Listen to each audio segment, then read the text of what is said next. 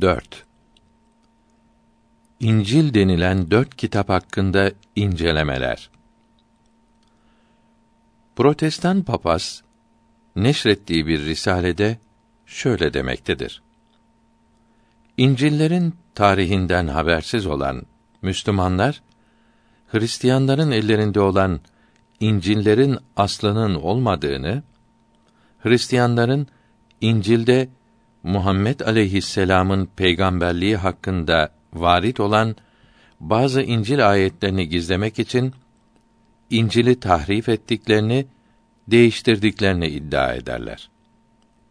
Buna şu cevap verilir. İmamı Buhari, Şah Veliyullah Dehlevi, Fahreddin Razi ve Hindistan alimlerinden Seyyid Ahmet ve diğer alimler bugün kullanılan İncil'lerin Hazreti Muhammed'in sallallahu aleyhi ve sellem zamanından evvel kullanılan İncil nüshalarının aynı olup tahrif edilmemiş olduğunu beyan etmişlerdir. Bugün Avrupa'nın bazı meşhur kütüphanelerinde bulunan çok eski İncil nüshaları da bu sözümüzü tasdik ederler. Bundan dolayı eğer Müslümanların ellerinde bulunan İncil'lerde ve o İncil'lerin asr-ı saadetten evvel muhtelif lisanlara yapılan tercümelerinde İncil'in tahrif iddialarını kuvvetlendirecek bir delil varsa hepsini Müslümanların ortaya koymalarını isteriz. Biz Müslümanlar onların bu davetlerini memnuniyetle kabul edip istedikleri delilleri birer birer ortaya koyacağız. Bilindiği gibi Hristiyanlık akidesinin inancının esası olan Kitab-ı Mukaddes, Ahdi Atik ve Ahdi Cedid ismiyle iki kısma ayrılır.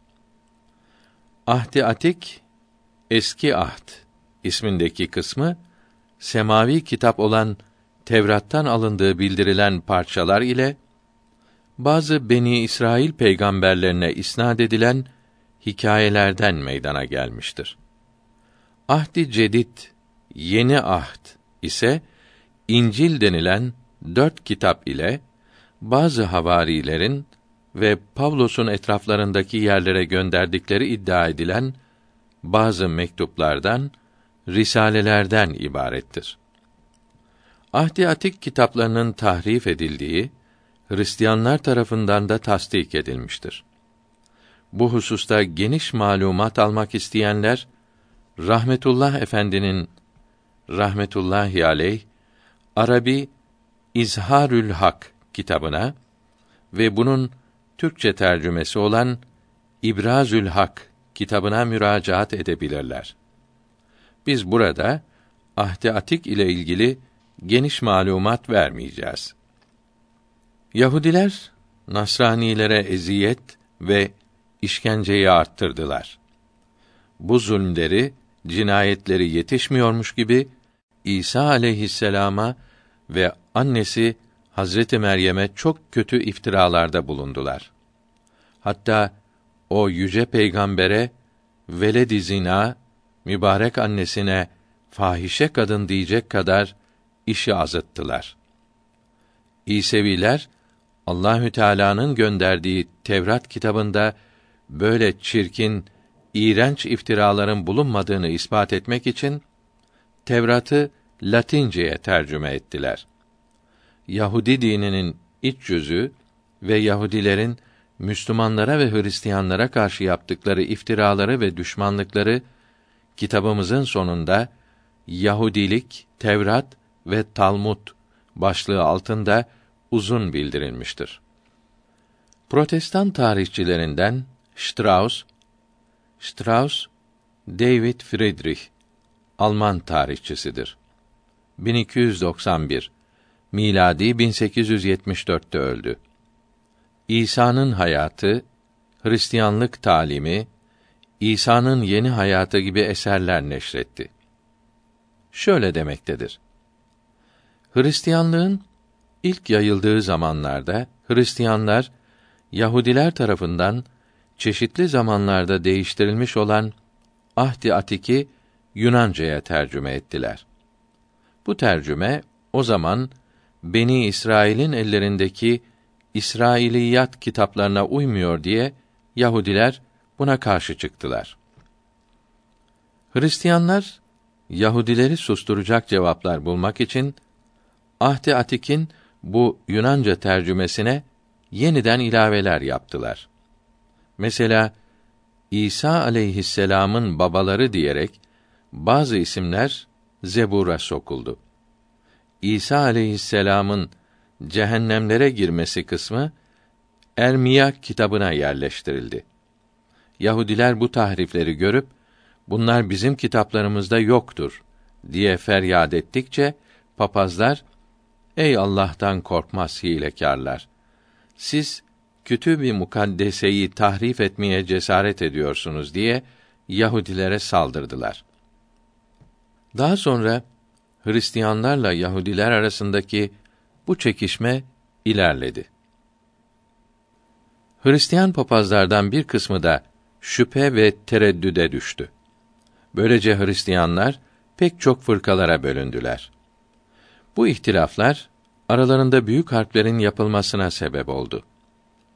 İsa aleyhisselam'dan 325 sene sonra Bizans imparatoru Büyük Konstantin'in emriyle 319 papaz İznik'te bir mecliste toplandılar.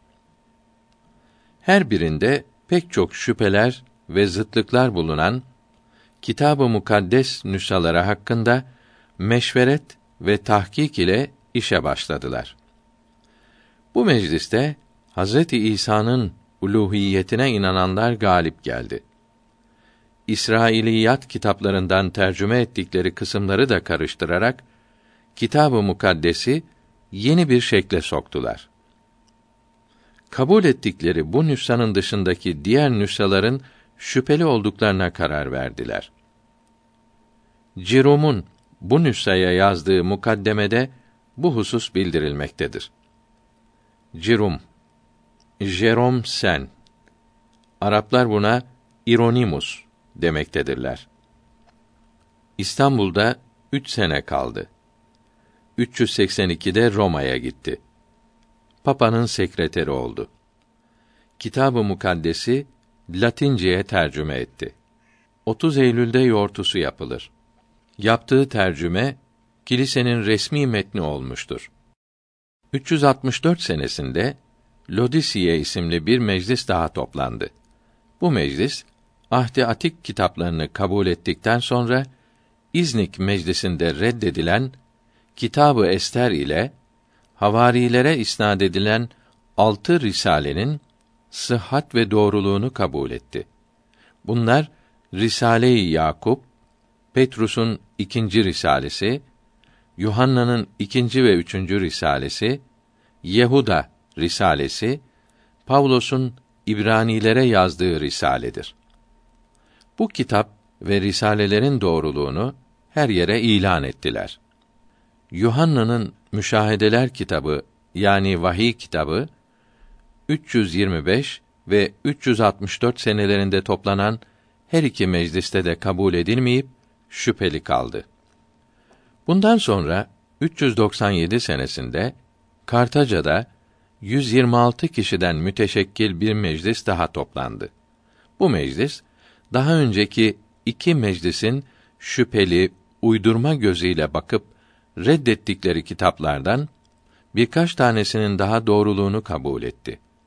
Bunlar Kitabı Tubiya, Kitabı Baruh, Kitabı Kilisai, Kitabül Makkabiyin, Kitabı Müşahedatı Yuhanna yani vahiy kitabıdır. Kartaca Meclisi'nde bu kitapların kabulünden sonra şüpheli denilmiş olan kitaplar bütün Hristiyanlarca makbul oldu. Bu hal 1200 sene kadar böylece kaldı. Protestanlığın ortaya çıkmasıyla Kitabı Tubiya, Kitabı Baruh, Kitabı Yahudiyet, Kitabı Kezdüm, Kitabı Kilisai, Kitabül Makkabiyyin evvel ve sani hakkında büyük tereddütler meydana geldi. Protestanlar daha önceki Hristiyanların kabul ettikleri bu kitapların doğru olmadığını ve reddedilmelerinin vacip olduğunu söylediler. Kitabı Ester'in de bazı bablarını reddettiler. Bazı bablarını kabul ettiler. Bu red ve inkarlarını çeşitli delillerle ispat ettiler. Bunlardan birisi bu kitapların aslının İbrani ve Kildani lisanları ile olduğu ve şimdi bu lisanlarda mevcut böyle bir kitabın olmamasıdır. Tarihçi papaz olan Vivispius kitabının dördüncü cildinin 22. babında yukarıda zikrettiğimiz bu kitapların bilhassa Kitabül Makkabiyin Sani'nin tahrif edilmiş olduğunu yazmıştır. Protestanlar 1200 seneden beri bütün Hristiyanların Ruhül Kuts, kutsal ruh ile ilham olunmuş zannettiklerini ve verdikleri kararları Hristiyanlığın esası kabul ettikleri konsil yani eski ruhban meclislerinin yanlış ve batıl şeyler üzere icma ve ittifak etmiş olduklarını kabul ve itiraf ettiler. Böyle olmakla beraber yine o meclislerin akl ve kabulden çok uzak olan birçok kararlarını kendileri de kabul ettiler. Böylece birbirine zıt esaslar üzerine kurulmuş, misli görülmemiş bir yola girdiler. Aslı esası böyle şek ve şüphelerle örtülmüş olan bir din nasıl olur da akıl sahibi milyonlarca Hristiyan tarafından kalpleri kendisine bağlayan kurtuluş ve saadet vesilesi olarak kabul edilebilir. Bu hali görenler bu iş hayret edilecek şeydir diyerek hayretten parmaklarını ısırırlar. Hristiyanlar gerek Ahdi Atik gerekse Ahdi Cedid kitaplarından iman esaslarını tespit etmektedirler. Bu kitaplar şüphe ve tereddütlerden uzak değildir. Hiçbirisinin aslı sahih bir senet ile zamanımıza kadar geldiği ispat edilmiş değildir. Yani İsa aleyhisselam'dan adil kimselerce zamanımıza kadar ulaştırılmış değildir. Bilindiği gibi bir kitabın doğruluğunun ve semaviliğinin yani Allahü Teala tarafından gönderilmiş olmasının kabulü şu kitap falan peygamber vasıtası ile yazılmış, değiştirilmekten ve bozulmaktan uzak, muttasılan sağlam senet ile adil kimseler tarafından rivayet edilerek bize kadar ulaşmıştır diye bildirilmesine bağlıdır. Aklı selim sahibi olanlara sağlam delillerle bu husus ispat edilmedikçe o kitap hakkında şüphe ve tereddütler yok olmaz. Çünkü sadece kendisine ilham geldiği zannedilen şahıslara isnad edilen bir kitap o şahsın bizzat kendisinin tasnif etmiş olduğunu ispata kafi değildir. Ayrıca bir veya birkaç Hristiyan fırkasının taassup ve gayret ile mücerret olarak doğruluğunu iddiaları da bu kitapların sıhhatini ispata kafi değildir. Hristiyan papazların kitab-ı mukaddeslerinin sıhhatini geçmiş peygamberlerden veya havarilerden birine isnattan başka ortaya koyacakları bir delilleri yoktur. Bu iddiaları itikat, iman esaslarını beyan eden ve doğruluğunda kalplerden şüpheleri giderecek ikna edici delillerden değildir. Hiçbir akıl sahibi kendisini dünyada rahata ve huzura, ahirette de azaptan kurtaracak ve sonsuz saadete kavuşturacak dini zayıf esaslar üzerine kurarak emin ve rahat olamaz. Halbuki Ahdi Atik'in içindeki kitapların birçoğunu ve Ahdi Cedid kitaplarından Hazreti İsa ve Hazreti Meryem'den ve o asırlardan bahseden yetmişi mütecaviz hatta bazıları bugün mevcud olan kitapları Hristiyanlar inkar edip bunlar uydurulmuş yalanlardır demektedirler. İsharül Hak kitabında bu hususta geniş bilgi vardır. Hristiyan papazların eskileri ve sonra gelenleri ittifak ile bildiriyorlar ki Matta İncil'i İbranice idi. Hristiyan fırkaları birbirlerinden ayrılmaları sebebiyle sonradan bu asıl nüshayı kaybettiler. Bugün mevcud olan Matta İncil'i İbranice asıl nüshanın tercümesidir. Bu tercümeyi yapan kimsenin kim olduğu da belli değildir. Zamanımıza kadar müterciminin kim olduğunun bilinmediğini Hristiyan papazların ileri gelenlerinden olan Cirum da itiraf etmektedir.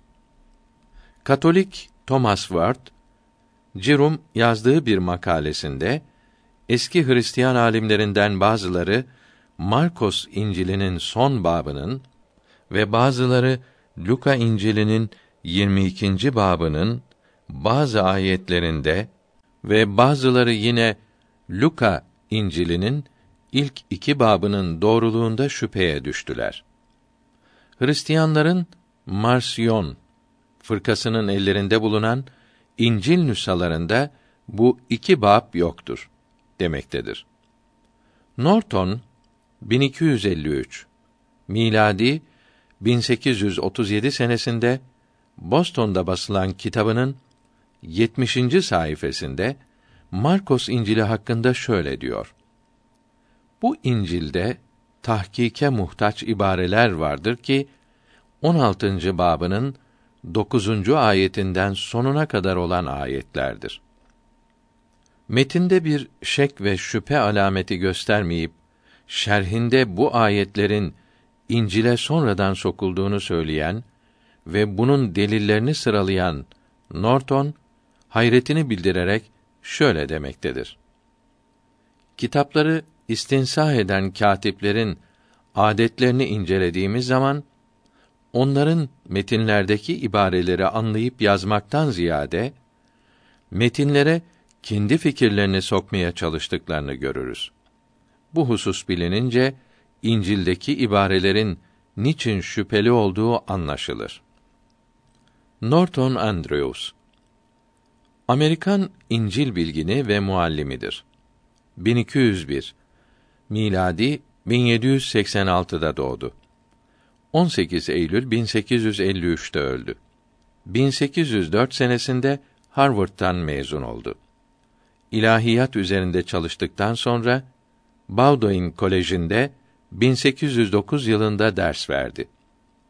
1818 yılında Harvard'a matematik muallimi olarak döndü. 1813 yılında üniversitenin İncil tefsircisi oldu. 1819'dan 1830 senesine kadar edebiyat profesörünün yardımcılığını yaptı. Teslisi reddeden ve tevhid akidesini, inancını savunan Ünitarianizm mezhebinin kuvvetli müdafiilerindendir. Kalvenizmi ve Theodor Parker tarafından temsil edilen naturalist, tabiiyeci teolojiyi şiddetle reddetti. 1833 yılında A Statement of Reasons for Not Believing the Doctrines of Trinitarians. Testis fikrine inanmamak için makul bir beyan kitabını yazarak neşretti. Ansiklopedia Americana cilt 20 sayfa 464. Yuhanna'ya nispet edilen İncil'de de sağlam bir rivayet senedi yoktur. Markos İncil'i gibi tahkike muhtaç, müphem, hatta birbirine zıt ibareleri vardır. Mesela birincisi, bu İncil'de Yuhanna'nın gördüğü şeyleri yazmış olduğuna dair açık bir delil yoktur. Bir şeyin aksi ispat edilmedikçe eski halinin doğruluğuna hükmedilir. İkincisi, Yuhanna'nın 21. babın 24. ayetinde işte bu cümleleri yani Yuhanna İncil'ini yazan ve doğruluğuna şehadet eden şakirt budur. Yani Yuhanna'dır. Biz onun şehadetinin doğru olduğunu biliriz denilmektedir. Görülüyor ki bu sözü Yuhanna hakkında Yuhanna İncil'ini yazan katip söylemiştir. Bu ayette Yuhanna'ya gayip zamiri olan o ile işaret edilmiş, asıl kitabı yazan, uyduran katip kendisini mütekellim, yazan kimsenin kendisi sigası ile biz diye yazmıştır. Bundan anlaşıldığı gibi Yuhanna İncil'ini yazan Yuhanna'nın kendisi olmayıp bir başkasıdır. Kendisi Yuhanna'nın şehadetinin doğru olduğunda malumatı olduğunu iddia etmiştir. Bunlardan anlaşılan bu İncil'i yazan adam Yuhanna'nın bazı mektuplarını ele geçirip bazı ibareleri çıkarmış, bazı şeylerde ilave ederek bu kitabı yazmıştır. Üçüncüsü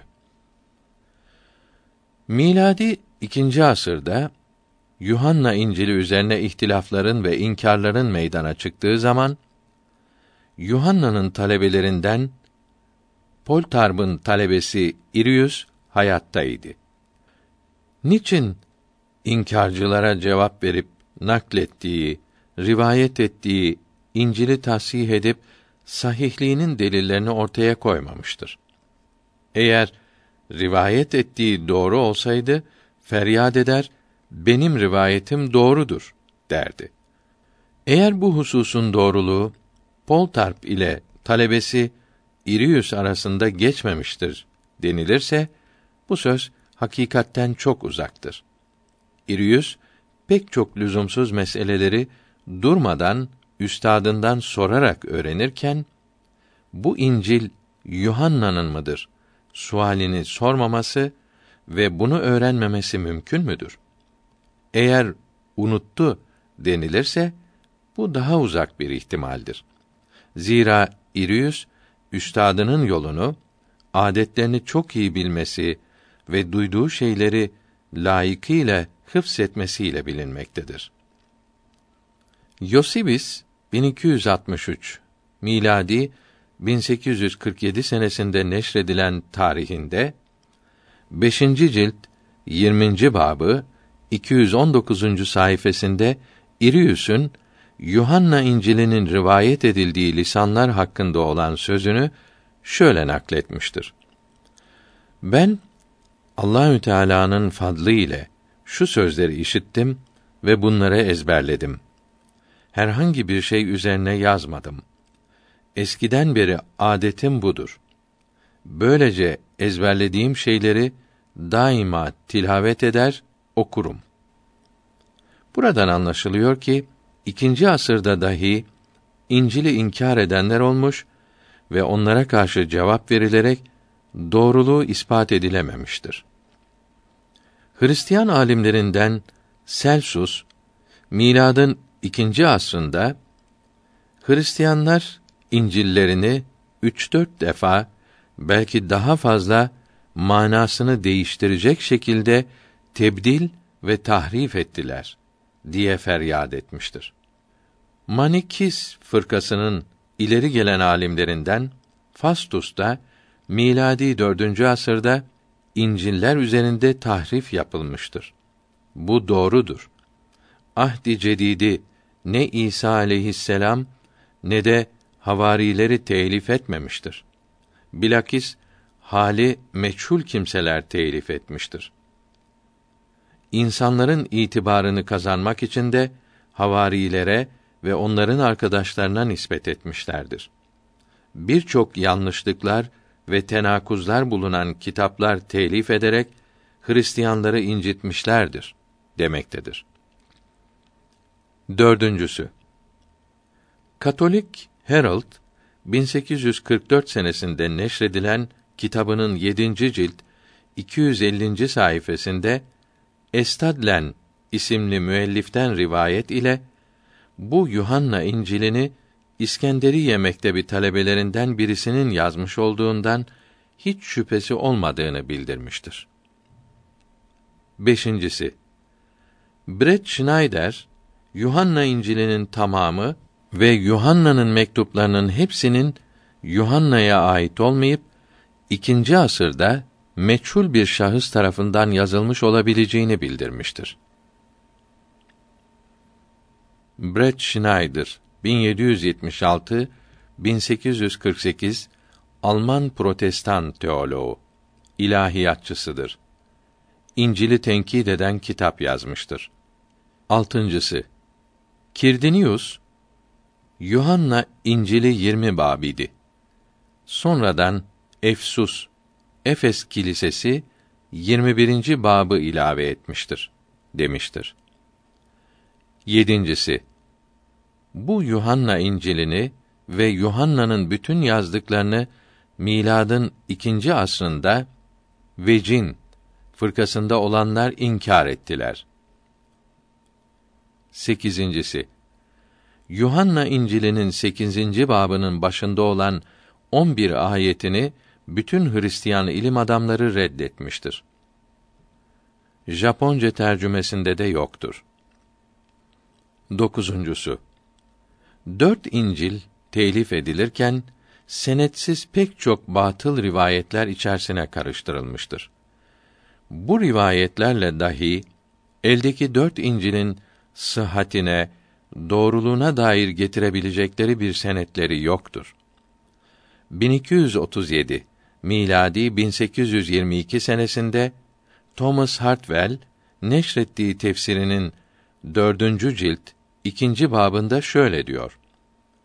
İncillerin telif zamanları hakkında bizlere ulaşan nakl ve haberler tamamen noksan ve neticesizdir. İncillerin sıhhati hususunda bizlere hiçbir yardımları yoktur. Hristiyanların ilk din adamlarının ileri gelenleri batıl rivayetleri tasdik ve kabul ederek durmadan yazdılar.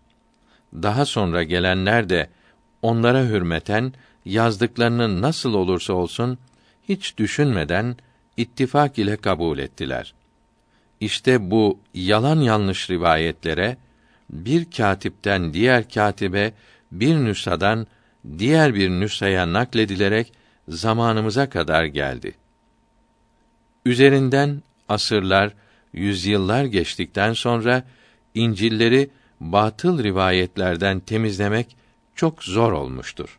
Yine aynı ciltte diyor ki İncil evvel yani Matta İncili miladın 37, 38, 41, 47, 61, 62, 63, 64 veya 65 senelerinde İncil-i Sani yani Markus İncili miladın 56. senesinde veya daha sonra 65. senesine kadar herhangi bir senede telif olunmuştur. Galip olan rivayete, görüşe göre 60 veya 63'te telif olunmuştur. İncil-i Salis yani Luka İncil'i miladın 53, 63 veya 64 senesinde Yuhanna İncil'i ise 68, 69, 70 veya 98 senesinde yazılmıştır. İbranilere mektup ve Petrus'un ikinci risalesinin ve Yuhanna'nın ikinci ve üçüncü risalelerinin Risale-i Yakub'un ve Risale-i Yehuda'nın ve Müşahedatı Yuhanna'nın Yuhanna'nın vahyinin bazı kısımlarının havarilerden rivayet edildiği hususunda hiçbir senet ve vesika yoktur. Bunların 365 senesine kadar sıhhatleri şüpheliydi. Bazı kısımları ise bu ana kadar Hristiyan din alimlerine göre yanlış ve reddedilmiş idi. Hatta Süryani lisanına yapılan tercümelerinde bu kısımlar yoktur. Arap kiliselerinin hepsi Petrus'un ikinci risalesini, Yuhanna'nın ikinci ve üçüncü risalelerini, Risale-i Yahuda ve Müşahedat-ı Yuhanna'nın sıhhatini, doğruluğunu kabul etmediler. Süryani kiliseleri de aynı şekilde başlangıcından bugüne kadar bunları inkar etmişlerdir. İncil araştırmacısı Horn tefsirinde ikinci cilt 206 ve 207. sayfelerinde diyor ki Petrus'un risalesi Risale-i Yahuda, Yuhanna'nın ikinci ve üçüncü risaleleri ve müşahedatı yani vahyi ve Yuhanna İncil'inin 8. babının ikinci ayetinden 11. ayetine kadar dokuz ayet, Yuhanna'nın birinci risalesinin beşinci babının yedinci ayeti, İncil'in Süryanice tercümesinde asla mevcut değildirler. Demek ki Süryani tercümeyi yapan mütercim bu zikrettiğimiz kısımların doğru ve şer'i bir hüküm için senet olamayacağını anlamış ve tercüme ederken farkına varabildiği bu yerleri tercüme etmemiştir. Katolik Word 1841 senesinde neşrettiği kitabının 37. sayfasında Protestanların ileri gelenlerinden Rogers'in Risale-i İbraniye, Risale-i Yakub'u ve Yuhanna'nın ikinci ve üçüncü risaleleriyle müşahedatını itikaden tekzip ettiğinden papazların ileri gelenleri bu risaleleri kitab-ı mukaddesten çıkarmışlardır dediğini bildirmektedir. Protestan papazlarından Daktris'te Yosnis'in zamanına kadar her kitabın doğruluğunun kabul edilemediğini bildirerek Risale-i Yakup, Risale-i Yahuda, Petrus'un Risale-i Saniyesi ve Yuhanna'nın Risale-i Saniye ve Salisesi havarilerin toplayıp yazdıkları şeyler olmadığında ısrar etmiştir. Ayrıca Risale-i İbraniye bir zamana kadar reddolunduğu gibi Petrus'un Risale-i Saniye ve Salisesi ile Müşahedat-ı Yuhanna ve Yahuda Risalesi Süryani ve Arap kiliselerince doğruluğu kabul edilmemiş iseler de bizlere göre doğruluğu teslim edilir yani doğru kabul ederiz demiştir. Hristiyan İncil tefsircilerinden Doktor Nathaniel Lortner tefsirinin dördüncü cilt 175. sayfasında Serl ve onun asrında olan Orşilim yani Kudüs Kilisesi Müşahedat-ı Yuhanna kitabının doğruluğunu kabul etmemiştir. Dediğini bildirdikten sonra Serl'in yazdığı kanun fihristinde bu kitabın ismi dahi yoktur demiştir. 323. sayfasında de Müşahedat-ı Yuhanna eski İncil'lerin Süryanice'ye yapılan tercümelerinde yoktur. Ne Weber Hiberios ne de Yakup isimli müellifler tarafından bunun üzerine şerh yazılmamıştır. Vaybidisku'da Petrus'un ikinci risalesini, Yuhanna'nın ikinci ve üçüncü risalelerini ve Müşahedat-ı Yuhanna'yı ve Yahuda risalesini kendi kitap fihristine almamıştır. Bu hususta Süryanilerin görüşleri de budur diyerek etraflı malumat vermiştir. Katolik Herald'da kitabının 7. cilt 206. sayfasında diyor ki Raus kitabının 160. sayfasında Protestan papazlarının ileri gelenlerinin ekserisi Yuhanna'nın Müşahedat vahiy kitabının doğruluğunu kabul etmezler. Profesör Rappwold da kuvvetli delillerle ispat ederek diyor ki Yuhanna İncil'i, Yuhanna'nın risaleleri ve müşahedatı yalnız bir kişinin yazdığı şeyler olamaz. Vivispius tarihinin 7. cilt 25. babında Webfinisişinden naklederek eski papazlar Yuhanna'nın müşahedatını Kitab-ı Mukaddes'ten çıkarıp reddetmeye çalıştıklarını anlatırken diyor ki: Bu kitab-ı müşahedat baştan sona kadar manasızdır. Onu havarilerden olan Yuhanna'ya nispet etmek de çok yanlıştır. Cahillik ve hakikati görmemektir. Onu yazan kimse ne havari, ne mesihi, ve ne de salih bir kimse değildir. Belki bu müşahedatı Sen Tehsin Serin Hak isminde bir Romalı yazdı. Yuhanna'ya nispet edilerek Yuhanna yazdı denildi diye yazmaktadır. Daha sonra kendisi şöyle demektedir. Fakat bu kitabı yani Yuhanna'nın müşahedatını Kitab-ı Mukaddesten çıkarmaya gücüm yetmez. Zira binlerce Hristiyan kardeşimiz bu Yuhanna'ya tazim ederler. Ben bu kitabı yazan kimsenin kendisine ilham geldiğini tasdik ederim. Fakat havarilerden Yakub'un kardeşi ve Zeydi'nin oğlu olan ve Yuhanna İncil'ini yazan havari Yuhanna olduğunu pek kolay kabul edemem. Sözlerinden ve hallerinden anlaşılan havari olmamasıdır. Kitab-ı müşahedatı vahyi yazan kimse Kitab-ı Amal yani Resullerin işleri kitabında zikredilen Yuhanna'da değildir. Çünkü İşaya memleketine gelmemiştir. Halbuki bu İncil'i yazan İşaya ehalisinden bir diğer Yuhanna'dır ki her ikisine de Yuhanna ismi verilmiştir.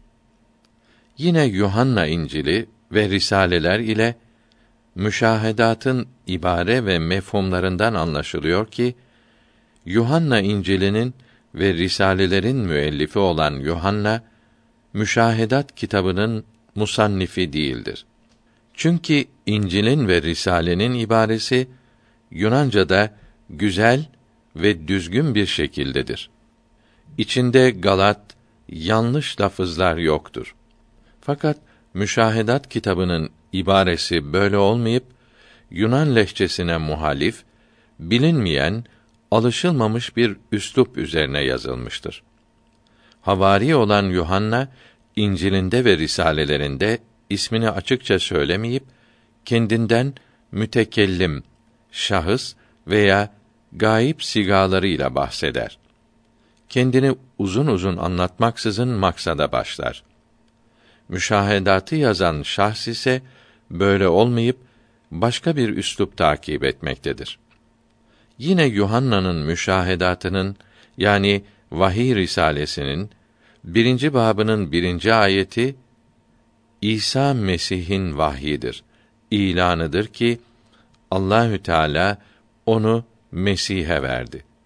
Yakında olması muhakkak olan şeyleri kullarına göstermesi için vahyi kendisine verdi ve onu kendi kulu Yohanna vasıtasıyla gönderdi.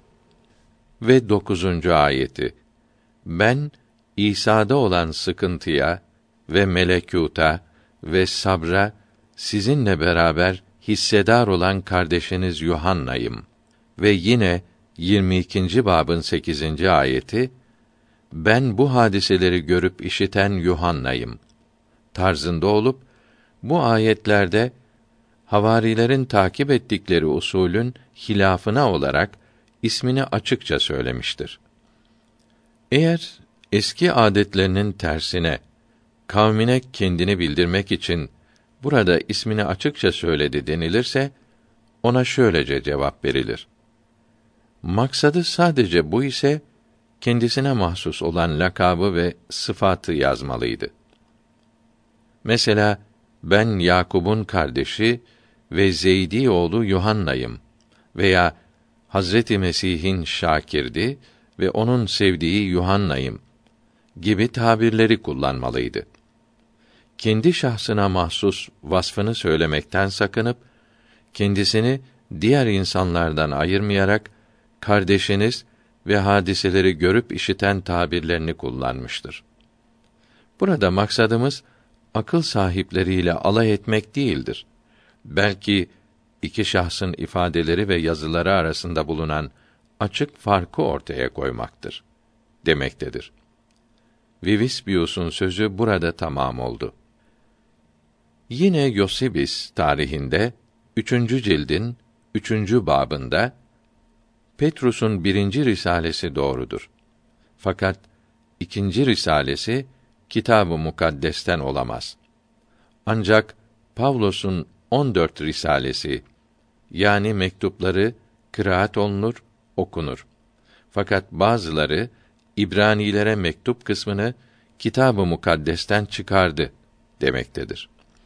Yine Yosibis aynı kitabının 25. babında Risale-i Yakup, Risale-i Yahuda ve Petrus'un ikinci risalesi ve Yuhanna'nın ikinci ve üçüncü risalelerinde ihtilaf edilip hakiki müelliflerinin meçhul olduğunu beyan etmektedir. Yosibis yine aynı tarihinin 6. cilt 25. babında Risale-i İbraniye hakkında Ayrcin şöyle demiştir. Hristiyanların ellerinde dolaşan bu risaleyi Şeb-i Rum'da Gülnaht isimli bir kimse yazmıştır. Bazıları Luka'nın onu tercüme ettiğini söylemişlerdir demektedir. İlk Hristiyan teologlarından Arm, İren, İreneus 140 220 ve 220 senesi ricalinden Polonius ve 251 senesinde yaşayan Pontius isimli müellifler Risale-i İbraniye'yi tamamen inkar etmişlerdir. Miladi 200 tarihi ricalinden Kartacalı Tortil'in Bersber diyor ki Risale-i İbraniye Bernia'nın risalesidir. 212 senesi ricalinden Kis Berstper Rum'da Pavlos'un risalelerini 13 adet sayıp 14. risale olan Risale-i İbraniye onlardan değildir demiştir. 248 senesinde yaşayan Kartacalı Sayı Pern Başp de bu risaleyi hiç zikretmemiştir. Süryani Kilisesi de bu ana kadar Petrus'un Risale-i Saniyesini yani ikinci mektubunu Yuhanna'nın Risale-i Saniye ve Salisesinin yani ikinci ve üçüncü mektuplarının sıhhatini, doğruluğunu kabul etmemişlerdir. Hristiyanların ileri gelenlerinden Ayiskalsen diyor ki, Petrus'un Risale-i Saniyesini yazan kimse zamanını zayi etmiştir. Boş yere harcamıştır. 1266 miladi 1850 senesinde basılan Bible tarihinde diyor ki Critius isimli müellif Risale-i Yahuda Aydernik saltanatı zamanında Orşilim Kudüs üskuflarından 15. üskuf olan Yehuda'nındır demiştir. Bible İncil demektir. Üskuf İncil okuyucularının üst derecesinde olan Hristiyan din adamlarına denir. Yuhanna İncil'ini şerh eden eski müelliflerden Ayırcin meskür şerhinin beşinci cildinde Pavlos'un her kiliseye risaleleri, mektupları olmayıp bazı kiliselere yazdığı risaleleri de üç dört satırdan ibarettir demiştir. Ayırcı'nın bu sözüne göre Pavlos'a ait olduğu söylenilen risalelerin hiçbirisi onun telifi olmayıp başkalarının telifi olduğu halde ona nispet edildiği anlaşılmaktadır. Pavlos'un Galatyalılara yazdığı mektubun ikinci babında 11. ayetten itibaren 16'ya kadar şu cümleler yazılıdır. Fakat Petrus Antakya'ya geldiği, azarlanmayı hak ettiği zaman ben onunla yüz yüze geldim. Kabahatliydi. Çünkü Yakup tarafından bazı kimseler gelmeden evvel bir takım insanlarla putperest milletlerle beraber yemek yiyordu. Fakat onlar geldikleri zaman hitanlı, sünnetli olanlardan Yahudilerden korkarak çekildi ve ayrıldı. Diğer Yahudiler de Petrus ile beraber geri çekildi, riya yaptılar. O derece ki Barnabas bile onların riyasına kapıldı. Fakat ben İncil'in hakikatine göre doğru yürümediklerini görünce hepsinin önünde Petrus'a dedim ki sen Yahudiyken Yahudi gibi değil diğer milletler, putperestler gibi yaşıyorsun? Niçin diğer milletleri Yahudiler gibi yapmaya zorluyorsun? O milletlerden olan günahkarlar değil, zaten Yahudi olan bizler insanın şeriat amelleri vasıtasıyla değil, ancak İsa Mesih'e iman etmekle salih olacağını bildiğimizden biz de Mesih İsa'ya iman ettik. Ancak şeriat işlerinden değil, Mesih'e iman etmekle salih sayılalım. Çünkü hiçbir insan şeriat amellerini yapmakla salih olamaz. Bu cümlelerin baş tarafı son tarafının tamamen zıddı olduğundan ikisinden birisinin yani ya baş tarafı veya son tarafının sonradan ilave edildiği anlaşılmaktadır. Çünkü Pavlos mektubunun baş tarafında 11. ayet Petrus'u Antakya'da nasıl azarladığını yazdığı halde ona atfettiği kabahat putperest diğer milletler ile beraber Yahudi adetlerinin hilafına yemek yemesiydi. Eğer Petrus gibi bir Ruhül Kuds'ten ilham almış ve Mesih'in hizmetçisi olan bir zata yukarıda zikrettiğimiz hakaretleri yapması edepsizlik değil ise hatta onu azarladığında sen Yahudi olduğun halde putperestler gibi dininin emirlerine ehemmiyet vermezsen onları hangi yüzle hangi selahiyet ile Yahudi şeriatine davet ediyorsun demişti. Fakat ondan sonra Pavlos hemen mevzu değiştirip şeriatın emirlerinin lüzumsuzluğundan bahsetmeye başlar. Üçüncü babında amelin ibadetin lüzumsuzluğu hususunda pek çok söz söyledikten sonra kendisi Musa aleyhisselam'ın şeriatine tamamen uyduğunu ifade eder. Nitekim Resullerin Amali kitabının 21. babında 17. ayetten itibaren şöyle yazılıdır. Pavlos Yeruşalim'e gelip şakirdanı ile Yakub'un yanına girince bütün ihtiyarlar hazır idiler ve Pavlos'a hitaben kardeş iman etmiş Yahudilerden kaç bin kimse olduğunu görüyorsun. Bunların hepsi şeriatin yani Musa aleyhisselam'ın şeriatinin gayretini çekerler.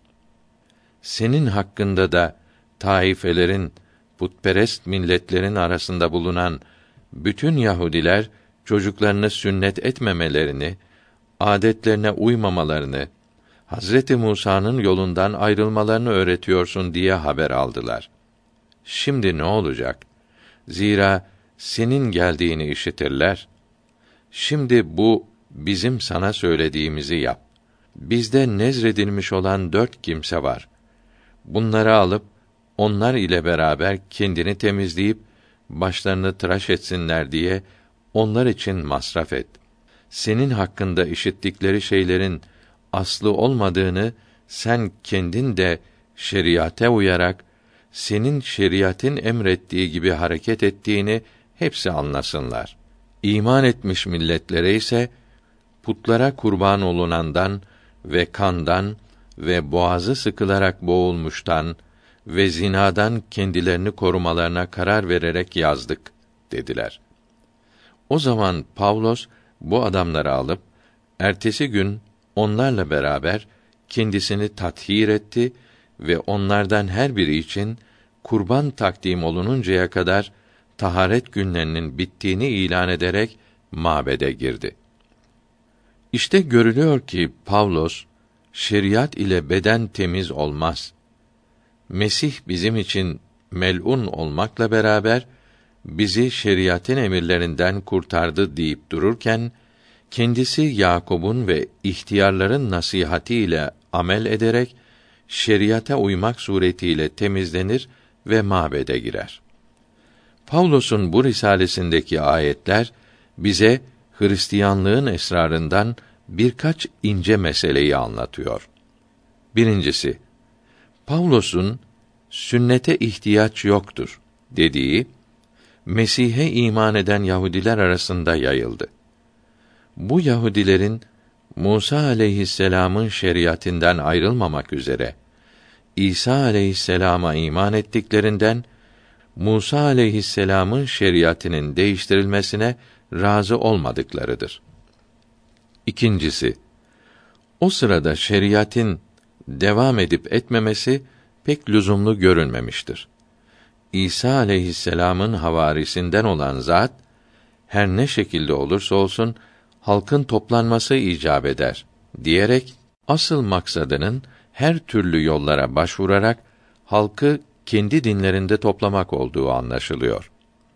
Sadece halkı toplamak için İsa aleyhisselam'ın havarisinden olan bir zatın Pavlos'a böyle bir teklifte bulunmak cesaretini göstermesi Hristiyanlığın nasıl temeller üzerine kurulmuş olduğunu göstermektedir.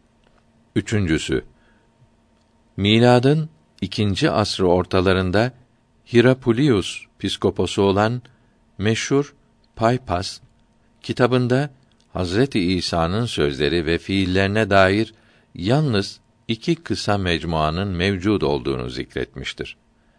Bunlardan birisi havarilerden Petrus'un tercümanı olan Markos'a ait bir mecmua, diğeri de İbranice bazı emirleri ve ahkamı toplayan Matta'nın mecmuasıdır.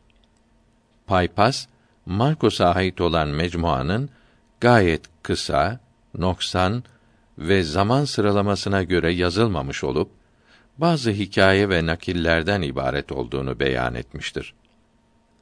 Bundan anlaşılan şudur. İkinci asır ortasında Matta ile Markos'un birer kısa mecmuaları mevcud olup Paypas onları görmüş, vasıfları ile beraber yazmış ve birbirinden farklarını da beyan etmiştir. Bugün ellerde mevcud olan Matta ve Markos İncilleri ise sanki birbirinden istinsah edilmiş, yazılmış gibi birisi diğerine benzer ve tafsilatlıdır. Paypas'ın gördüğü nüshaların bunlar olmadığı veya sonradan bu nüshalara ilave yapılarak genişletilmiş oldukları açıktır. Luka ve Yuhanna İncillerine gelince Paypas bunlardan hiç bahsetmemiştir. Haliyle Paypas Hirapulius'ta olduğu veya Yuhanna'nın talebeleriyle karşılaşıp onlardan malumat aldığı halde Yuhanna İncil'ine dair tek bir harf dahi söylememiştir. Bu hal ise Yuhanna İncil'inin o tarihten sonra yazılmış olduğunu ispat eder. Matta İncili Matta İncil'inin dokuzuncu babının dokuzuncu ayetinde şöyle yazılıdır. Ve İsa oradan geçerken gümrük yerinde oturan ve Matta denilen bir adam görüp ona bana tabi ol. Ardımca gel deyince o da kalkıp ona tabi oldu. Ardınca gitti. Şimdi iyice dikkat ediniz. Bu cümleleri yazan Matta'nın kendisi ise niçin kendisi olduğunu söylemeyip bir başka Matta gibi söylemiştir. Eğer bu İncil'i yazan Matta'nın kendisi olsaydı hadiseyi ben gümrük yerinde oturur iken İsa aleyhisselam oradan geçiyordu. Beni gördü ve bana tabi ol, ardımca gel dedi. Ben de kalkıp ona tabi oldum, ardınca gittim şeklinde zikretmesi icap ederdi. Matta İncil'inde İsa aleyhisselam'ın ağzından söylenilen her makale o kadar uzundur ki bunların her birini bir mecliste ve bir defada söylemek mümkün değildir. Yine bu hususta 10. babındaki havarilere verdiği nasihatler ve talimat 5. 6. ve 7. bablarında devamlı söylediği sözler ve 23. babında ferisilere hitaben yaptığı azarlamalar ve 8. babında devamlı getirdiği misaller şüphesiz birer mecliste vaki olan şeyler değildir. Bunun delili de bu sözler ve getirdiği misallerin diğer İncil'lerde değişik pek çok meclise taksim edilmesidir. Buradan anlaşılıyor ki bu İncil'in müellifi İsa aleyhisselam'ın devamlı arkadaşı olan gümrükçü Matta değildir. Matta İncil'inde zikredilen İsa aleyhisselam'ın körleri baras ve cin çarpmış fakirleri iyi etmesi ve mucize olarak pek çok fakirlere yemek yedirmesi hep ikişer mahalde beyan edilmiştir. Halbuki Markos ve Luka İncil'lerinde bu vakalar yalnız birer mahalde zikredilmişlerdir. Bundan anlaşılıyor ki Matta'ya nispet edilen İncil'in müellifi bu kitabı yazarken iki mehaza müracaat edip bir vakayı ikisinde de görmüştür. Ancak yanlış anlama sebebiyle birbirinden farklı zannederek kitabına yazmıştır. Matta İncil'inin 10. babının 5. ayetinde Hazreti İsa'nın resullere yani havarilere putperest milletleri dine davet için gitmemelerini ve Samiriyelilerin şehirlerine girmemelerini tembih ettiği yazılıdır. Daha sonra ise kendisi putperest yüzbaşının hizmetçisine ve Kenanlı bir kadının kızına şifa verdiği bildirilmektedir. 7. babın 6. ayetinde mukaddes şeyleri köpeklere, putperestlere vermeyin ve incilerinizi domuzların önüne atmayın dediği halde 28. babının 19. ayetinde ise siz gidip bütün milletleri şakirt edinin. Onları baba, oğul ve Ruhul Kuds adına vaftiz edin. Yani dininizi onlara öğretin demektedir. 10. babının 5. ayetinde milletler yoluna gitmeyin ve Samiriyelilerin şehirlerinden hiçbirine girmeyin diye emredildiği halde 24. babın 14. ayetinde ise İncil bütün milletlere vaaz edilecektir ve sonu kurtuluş olacaktır demektedir. Bu ve yukarıdaki ayetler birbirine tamamen zıttır. Bunlar ve bunlar gibi sayısız ihtilaf ve tenakuzlar bu İncil'de tekrarlanmıştır. Bu ilaveler Matta İncil'inde tahrif yapıldığını hiç şüphe bırakmayacak şekilde ispat etmektedir. Bazı mühim hadiseler diğer İncil'lerde mevcud olduğu halde Matta İncil'inde yoktur. Mesela İsa aleyhisselam tarafından 70 şakirdin seçilmesi, meleği havariyunda urucu, bayram yapmak için iki kere Yeruşalim'e gelmesi ve Luazer'in mezardan kalkması fıkraları bu İncil'de yoktur. Bunun için Matta İncil'inin havarilerden Matta'ya isnadı yani Matta'dan rivayet edildiği şüphelidir. Markos İncili Markos'un havarilerden olmadığında bütün tarihçiler ittifak halindedir. Belki havarilerden Petrus'un tercümanıdır. Paypas diyor ki Markos Petrus'un tercümanıydı. Markos İsa aleyhisselam'ın sözlerini ve fiillerini mümkün mertebe doğrudur diyerek ezberden yazdı. Fakat İsa aleyhisselam'ın sözlerini ve fiillerini intizamlı, düzgün bir şekilde yazmadı. Çünkü kendisi ne Hazreti İsa'dan işitti ne de onun yanında bulundu. Dediğim gibi Markos yalnız Petrus'un arkadaşlarından idi. Petrus ile konuştuğu şeyleri ve İsa aleyhisselam'ın sözlerini içerisine alan bir kitap olsun diye tertipli ve düzgün söylemeyip icap ettiği vakt ve meclise göre söyledi. Bunun için eğer Markos kitabında bazı hususları üstadı Petrus'tan öğrenmiş gibi yazarsa onu ayıplamamalıdır. Çünkü Markos işittiği şeyleri unutmayarak, değiştirmeyerek yazmaya lüzum görmemişti. Markos İncil'ine eski Hristiyan alimler her gün şerhler yazdılar.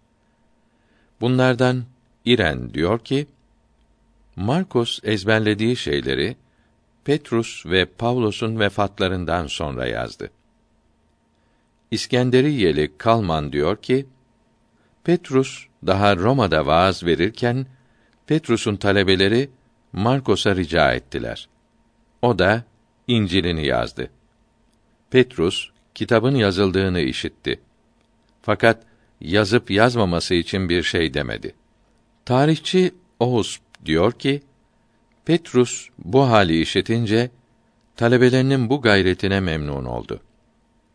Kiliselerde onun okunmasını tembih etti. Halbuki Markos'un İncil'i Petrus'un risalelerinden, mektuplarından ziyade Matta İncil'inin taklididir. Yani ona benzetilmiştir. Buna göre Paypas'ın Markos yazdı dediği kitap elde bulunan ikinci İncil'den başkadır. Markos İncil'inin 6. babının 17. ayetinde fakat Hirodes kardeşi Filipus'un zevcesi Hirodia ile evlenmişti. Bunun için Yahya'yı tutturup zindana hapsetti. Çünkü Yahya Hirodes'e kardeş hanımıyla evlenmek caiz değildir derdi demektedir. Bu tamamen yanlıştır. Çünkü Yosebis tarihinde 18. kitabın 5. babında Hirodia'nın zevcinin ismi Filipus olmayıp Hirius olduğu açıkça bildirilmektedir. Bu hata Matta İncil'inde de vardır. Hatta 1237 miladi 1821 1844 senelerinde basılan Arapça tercümenin mütercimleri bu ayeti tahrif ederek Matta ve Luka'nın ibarelerinde olan Filipus kelimesini düşürmüşler ise de diğer senelerdeki tercüme nüshalarında mevcuttur. Yine Markos İncil'inin ikinci babında Hazreti İsa onlara şakirtlerine dedi ki: Davud'un kendisi ve yanında olanlar aç ve muhtaç olduğu zaman baş kâhin Abiyatar'ın günlerinde Allah'ın evine nasıl girdiğini ve kâhinlerden başkasının yemesi caiz olmayan huzur ekmeğini yediğini ve kendisiyle beraber olanlara da verdiğini hiç okumadınız mı?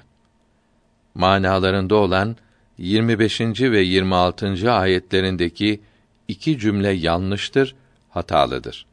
Çünkü birincisi o zaman Hazreti Davud yalnız idi. Yanında kimse yoktu.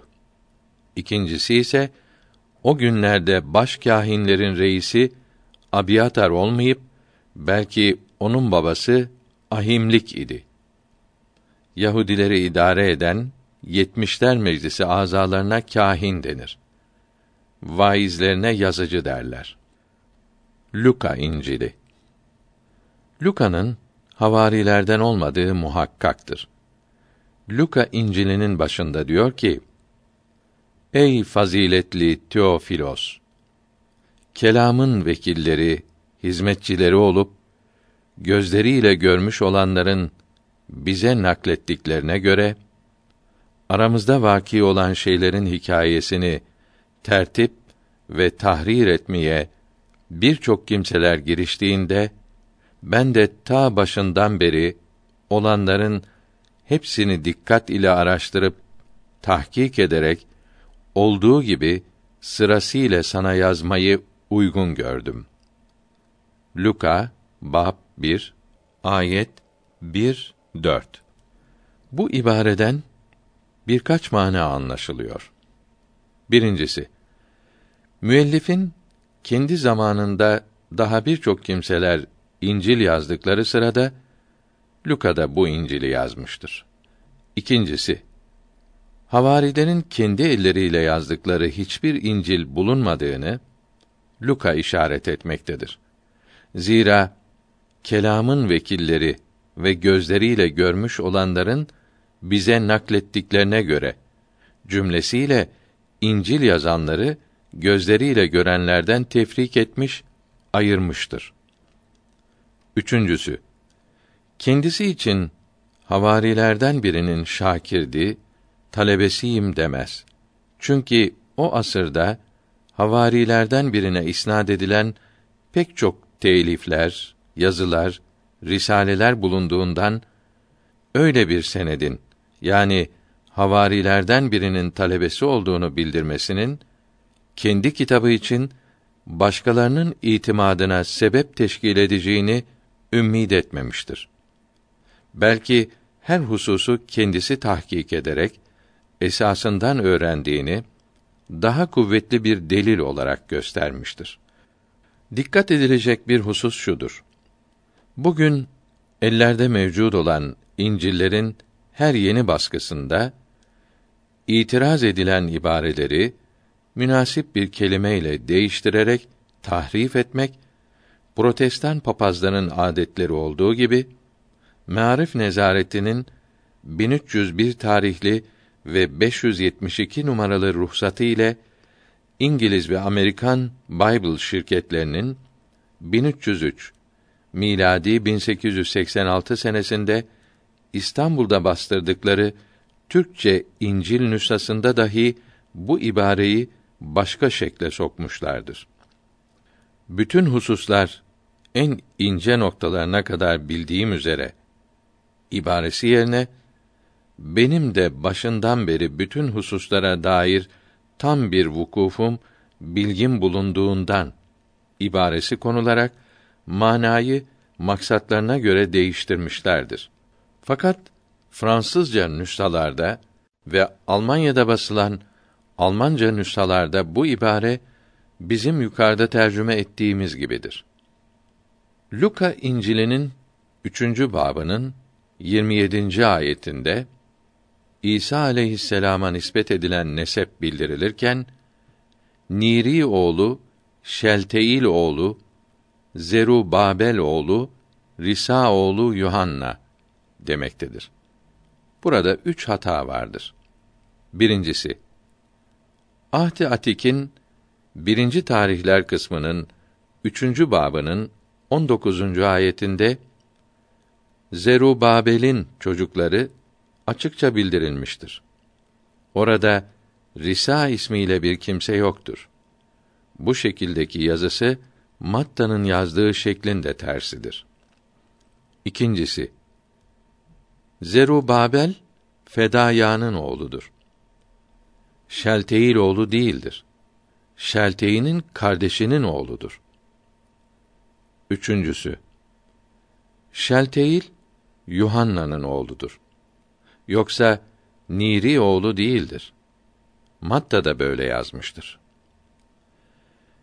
Yine Luka İncil'inin üçüncü babının 36. ayetinde Salih bin Kenan bin Arfahşat diye yazılıdır ki bu da yanlıştır.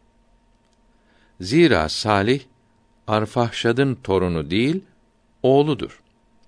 Böyle olduğu birinci tarihlerin birinci babında ve tekvinin on birinci babında 10, 11 ve 12. ayetleri bildirilmiştir.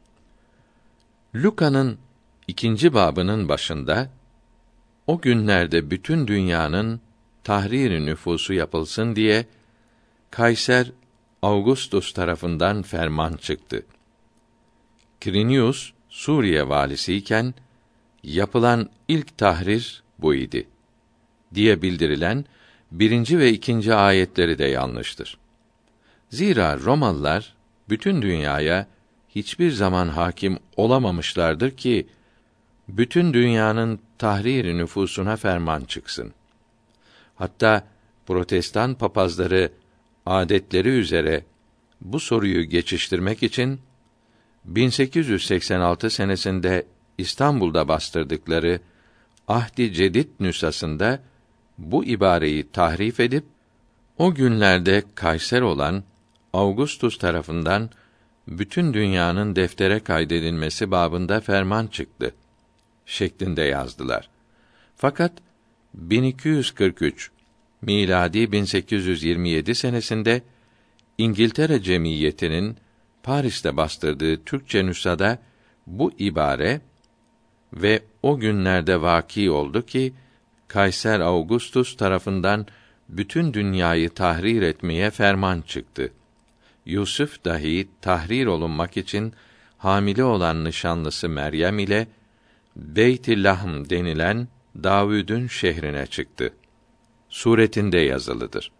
Bundan sonra yazılan tahrir maddesi incelenmeye başlayınca ne Luka'ya muasır olan eski Yunan tarihçilerinden bir kimse ne de Luka'dan biraz önce geçen tarihçiler bu tahrir nüfusa dair bir söz söylememişlerdir.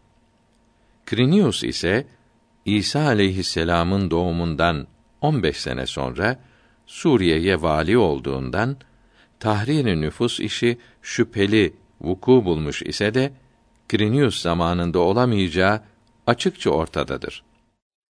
Yuhanna İncili Yuhanna İncil'ine gelince bilindiği gibi Yuhanna'ya nispet edilen dördüncü İncil'in ortaya çıkmasına kadar İsa aleyhisselam'ın dini esasen Musa aleyhisselam'ın şeriatinden ayrılmayıp tevhid esasına dayanıyordu. Çünkü üç uknum yani testisten ilk defa bahseden İsa aleyhisselama inananlar arasına testis, üç ilaha inanmak akidesini, inancını sokup onları İsa'nın aleyhisselam dininden ayıran Yuhanna İncilidir. Bu sebep ile Yuhanna İncilinin aslının doğruluğu üzerinde araştırma, inceleme yapmak gayet mühimdir. Yuhanna İncili hakkında eski Hristiyan din adamlarının eserlerinde bulunan çeşitli sözler yukarıda bildirilmişti. Bu kitap havarilerden Zeydi oğlu Yuhanna'ya ait değildir. İkinci asırdan sonra aslı meçhul bir şahıs tarafından kaleme alınmıştır. Bu hususu asrımız tarihçilerinden Avrupalı müsteşrikler çeşitli delillerle ispat etmişlerdir. Birinci delil. Yuhanna İncil'inin başında kelam başlangıçta var idi ve kelam Allahü Teala'nın nezdinde indindeydi ve kelam Allah idi. Sözleri yazılıdır. Bu sözler ilmi kelamın ince meselelerinden olup diğer İncil'lerin hiçbirinde yoktur. Eğer bu sözler İsa aleyhisselam'dan işitilmiş olsaydı diğer İncil'lerde de bulunurdu. Bundan anlaşılıyor ki bunu yazan havarilerden Yuhanna olmayıp Roma ve İskenderiye mekteplerinde Eflatun'un üç uknum felsefesini okumuş bir kimsedir. Nitekim şimdi beyan olunacaktır. İkinci delil.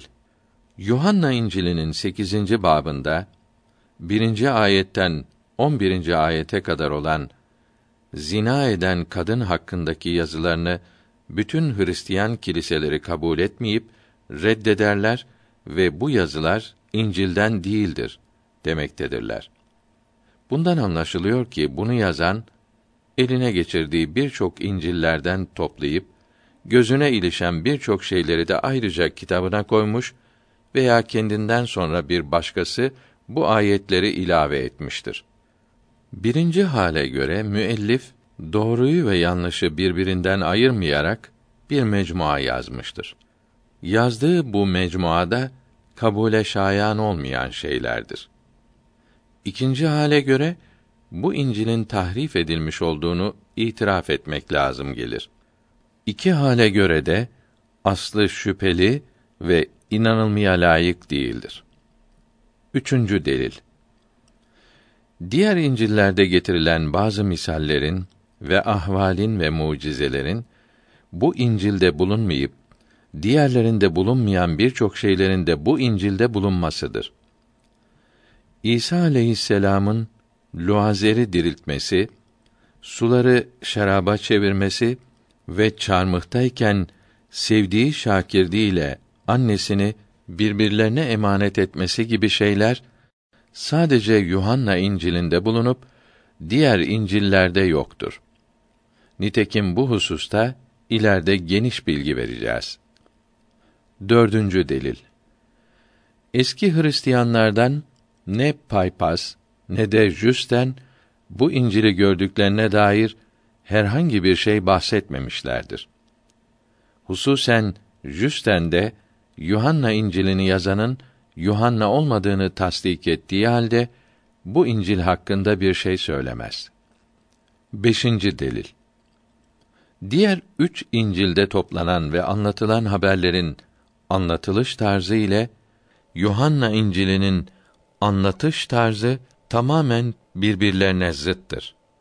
Mesela diğer üç İncil'de İsa aleyhisselam halkın terbiyesini isteyen bir muallim gibi ferisilerin riyakâr hallerine itiraz eder.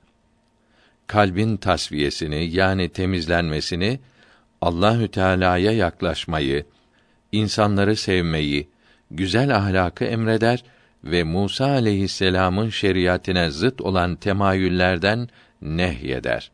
Halka öğrettiği şeyler ve nasihatleri gayet açık ve tabii ve herkesin anlayabileceği şekildedir. Bu üç İncil her ne kadar bazı haberlerde birbirine zıt ve muhalif iseler de müttefik oldukları hususlarda hepsinin bir kaynaktan çıktığı anlaşılmaktadır. Fakat Yuhanna İncil'i böyle olmayıp gerek ifade şekli gerekse İsa aleyhisselam'ın ahlak ve davranışları hususunda bambaşka bir yol takip eder. Bu İncil'de Hazreti İsa Yunan felsefesini bilen, gayet ince, güzel konuşan bir kimse olarak gösterildiği halde onun sözleri Allah korkusu ve güzel ahlaklı olmak gibi hususlarda olmayıp kendi şahsının yüksekliğinden bahsetmektedir. Bunu da insanlar arasında bilinen şekli yani Mesih'in konuşma tarzı olan kelime ve tabirlerle söylemez. İskenderiye mekteplerinde kullanılan kelime ve cümlelerle anlatır. Bu sözleri diğer üç İncil'de gayet açık ve sade olduğu halde bu İncil'de kapalıdır. Mühim ve çok defa iki manaya gelen ve hususi bir şekilde düzülmüş muntazam tekrarlar ile doludur. Yuhanna'da kullanılan üslup kalpleri kendisine çekecek yerde red ve nefret uyandırır. Eğer bu İncil şimdiye kadar bir yerde gizlenmiş ve bugün ansızın ortaya çıkmış olsaydı, bunun havarilerden birinin telifi olduğuna kimse inanmazdı. Fakat asırlardan beri işitilmiş olduğundan bu gariplikleri Hristiyanlar göremezler. Altıncı delil. Bu İncil'de görülen hatalar daha çoktur. Mesela Yuhanna İncil'inin birinci bab 51. ayeti Doğrusu size söylerim ki şimdiden sonra semanın göğün açıldığını ve insanoğlunun üzerine Allah'ın meleklerinin inip çıktığını göreceksiniz şeklindedir. Halbuki İsa aleyhisselam'ın bu sözü Erden suyundan vaftiz olunduktan ve Ruhül Kuds'ün inmesinden sonra vaki olup ondan sonra semanın açıldığını ve meleklerin İsa aleyhisselam üzerine indiğini ve çıktığını hiçbir kimse görmemiştir. Bu İncil'in üçüncü babının on üçüncü ayetinde ise hiç kimse semaya, göğe çıkmamıştır. Ancak semadan inen yani semada olan insanoğlu çıkmıştır demektedir. Bu ayet birkaç cihetten yanlıştır. Birincisi, yani kelimesiyle tefsir edilen kısım sonradan ilave edilmiştir. Böylece ayet tahrif olunmuştur. Çünkü ayetin baş tarafının manası semadan inenden başka bir kimse semaya çıkmamıştır. Demek iken İncil'in müellifi veya istinsah edenlerden biri bundan maksadın insanoğlu yani İsa aleyhisselam olduğunu açıklamak için açıklayıcı bir ibare koymuştur. Bu ibareye dikkatlice bakılınca ilave olduğu hemen görülmektedir. Zira ayetin baş tarafını açıklayıcı bu ibareden ayırdığımız zaman semadan nazil olan, inen meleklerden başka insanlardan kimse semaya yükselmemiştir. Doğru manası anlaşılır. Fakat açıklayıcı ibareye göre semadan inen insanoğludur denilirse Hazreti İsa semadan inmeyip Hazreti Meryem'e Ruhül Kuds Cebrail aleyhisselam vasıtasıyla ilka edildiği inkar edilmiş olur. Bundan başka İsa aleyhisselam semadan olan sözünü söylerken yeryüzünde olup semada bulunmadığını inkar etmek gerekir. Ayrıca semadan inen sözü ile semada olan sözünü bir anda İsa aleyhisselam'ın söylemesi mümkün değildir. İkincisi, ayetin birinci kısmı da yanlıştır. Çünkü tekvinin beşinci babının 24. ayetinde ve ikinci meliklerin ikinci babının 12. ayetinde Ahnuh ve İlya aleyhisselam da semaya yükselmişlerdir denilmektedir. Bu ayetin tahrif edilmiş olduğunda hiç şüphe edilemez. Birdir Allah. Yeri göğü yaratan, ağaçları donatan, çiçekleri açtıran bir Allah'tır, bir Allah. Allah her yerde hazır. Ne yaparsan o görür. Ne söylersen işitir. Vardır, birdir, büyüktür. Biz Allah'ı severiz. Her emrini dinleriz. Beş vakit namaz kılar, ona isyan etmeyiz.'' bizlere akıl verdi, doğru yolu gösterdi. Dini İslam'a uymayan ateşte yanar dedi.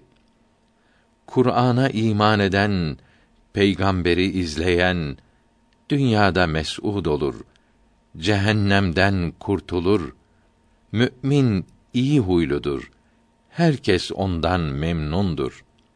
Kimseye zulmeylemez, kendi de huzurludur.'' Ya Rab, affeyle beni ve anamı, babamı, kâfirlerin şerrinden koru Müslümanları.